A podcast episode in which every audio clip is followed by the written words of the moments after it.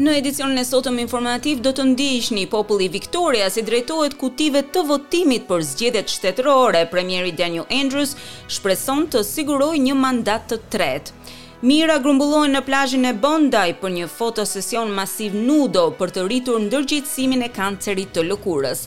Dhe në sport, skuadra e tenisit për meshkuj në Australi kalon në finalen e Davis Cup. Fillojmë gjerësisht me lajmet më shumë se një milion banorë të Viktorias pritet të votonin sot në zgjedhjet shtetërore të Viktorias, duke përcaktuar dhe vendosur nëse premieri Daniel Andrews do të merrte një mandat të tretë në pushtet ose nëse opozita Matthew Guy nga koalicioni do të merrte kësaj radhe detyrën. Votimet u hapën orën tetë të mëngjesit dhe sapo përfunduan në orën tetëmbëdhjetë, Komisioni Zgjedhor i Viktorias tha se gati gjysma e të gjithë banorëve të shtetit të regjistruar për votim kanë votuar më herët ose me postë. Sistemi shëndetësor, kostoja e jetesës dhe fondet e rrjetit hekurudhor kanë qenë që të gjitha pika qëndrore për fushatat e Partisë Laburiste, koalicionit dhe Partisë së Gjelbër. E duke folur për Channel Nine, Daniel Andrews tha se qeveria e tij ka një plan optimist për të ardhmen.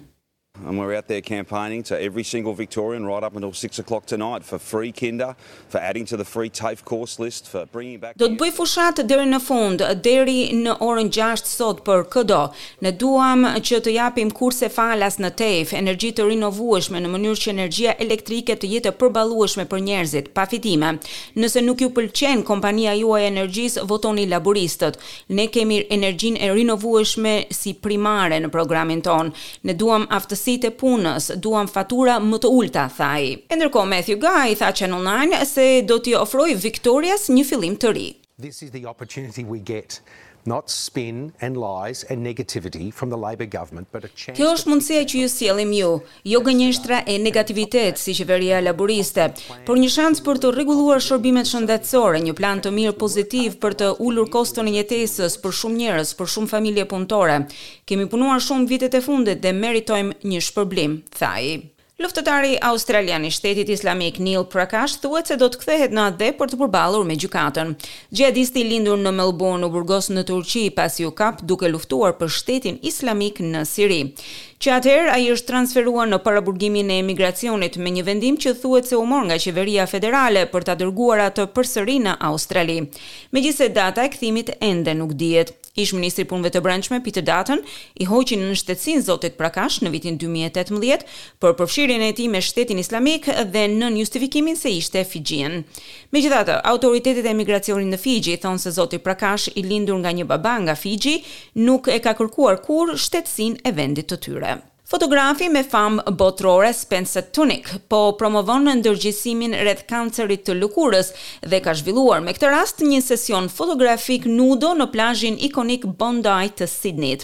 Rreth dy mijë e pesëqind qytetarë të Sidnit dolën në plazh nga ora tre e tridhjetë e mëngjesit për një instalacion nga Tunick, i cili është i famshëm për fotografi nudo. Zoti Tunick i tha SBS se ngjarja ka qenë një sukses i jashtëzakonshëm. think I got a lot of different setups that were artistically uh, successful and also I think we got the message out there for skin cancer check. Patëm disa foto të cilat ishin artistikisht të suksesshme. Gjithashtu arritëm të sjellim mesazhin për kontrollin e kancerit të lëkurës, Vizioni im ishte të krijoja një lloj homazhi për njerëzit të cilët kanë humbur jetën nga kanceri i lëkurës dhe për t'i vendosur ata persona që morën pjesë në instalacion në pozicione trupore të cilat ishin fuqizuese dhe që tregonin rëndësinë e humbjes së jetës. Sindikata Hekurudhore dhe Qeveria e New South Wales kanë nënshkruar një marrëveshje e cila sinjalizon më në fund një zgjidhje pas një viti mosmarrëveshjeje industriale Pas një takimi shtatë orësh, qeveria ka rënë dakord me një kërkesë të Unionit të hekurudhave, tramvajeve dhe autobusëve, sipas të cilës rrjeti i transportit do të marrë treqind milionë dollarë fonde në drejtim të riparimeve. Sindikata ka patur shqetësime të vazhdueshme në lidhje me sigurinë e trenave të prodhuar në Kore. Pas arritjes së marrëveshjes, Sindikata e Transportit e ka anulluar grevën që ishte parashikuar për javën e ardhshme. Presidenti rus, Vladimir Putin është takuar me nënat e ushtarëve rusë, të cilët kanë humbur jetën në luftë me Ukrainën. Në një video të orkestruar me kujdes, shtatëmbëdhjetë nëna ulen në një tryezë të ngarkuar me çaj e torta dhe i tregojnë presidentit historinë e humbjes së djemve të tyre në vijën e parë të luftës. Takimi dyorësh në rezidencën e Putinit përkoi dhe me Ditën e Nënave në Rusi. The important thing is that we are all mortal, we are all in God's hands and some day we will all leave this. Ajo që ka rëndësi është që ta mbajmë mend se jemi që të gjithë të vdekshëm, jemi në duart e Zotit e një ditë të gjithë do të largohemi nga kjo botë, është e pashmangshme. Pyetja është se si kemi jetuar. Për disa njerëz kjo është e paqartë. Ata vdesin nga vodka apo nga diçka tjetër, kanë jetuar apo jo, kjo nuk dihet. Jeta u rrëshqet atyre në mënyrë të padukshme, është e paqartë nëse një person ka jetuar apo jo, por djali juaj ka jetuar, qëllimi i tij u arrit, tha ai.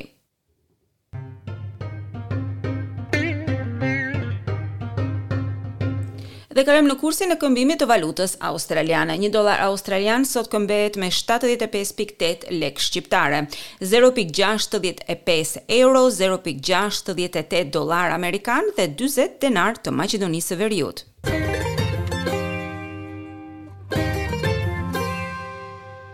Kalojmë në sport, lojtarët australianë kanë sfiduar të gjitha shanset dhe kanë shkuar në finalen e tyre të parë të David Cup në nëntëmbëdhjetë vitet e fundit. Dyshja australiane Jordan Thompson dhe Max Purcell mundi Kroacinë në një fitore dy me një në gjysmëfinale. Lajmi vjen pasi Alex de Minaur e tërhoqi skuadrën nga pragu me fitoren e tij barazuese ndaj Marin Cilic. Të dielën australianët do të përballen ose me Kanadanë ose me Italinë në finalen e madhe.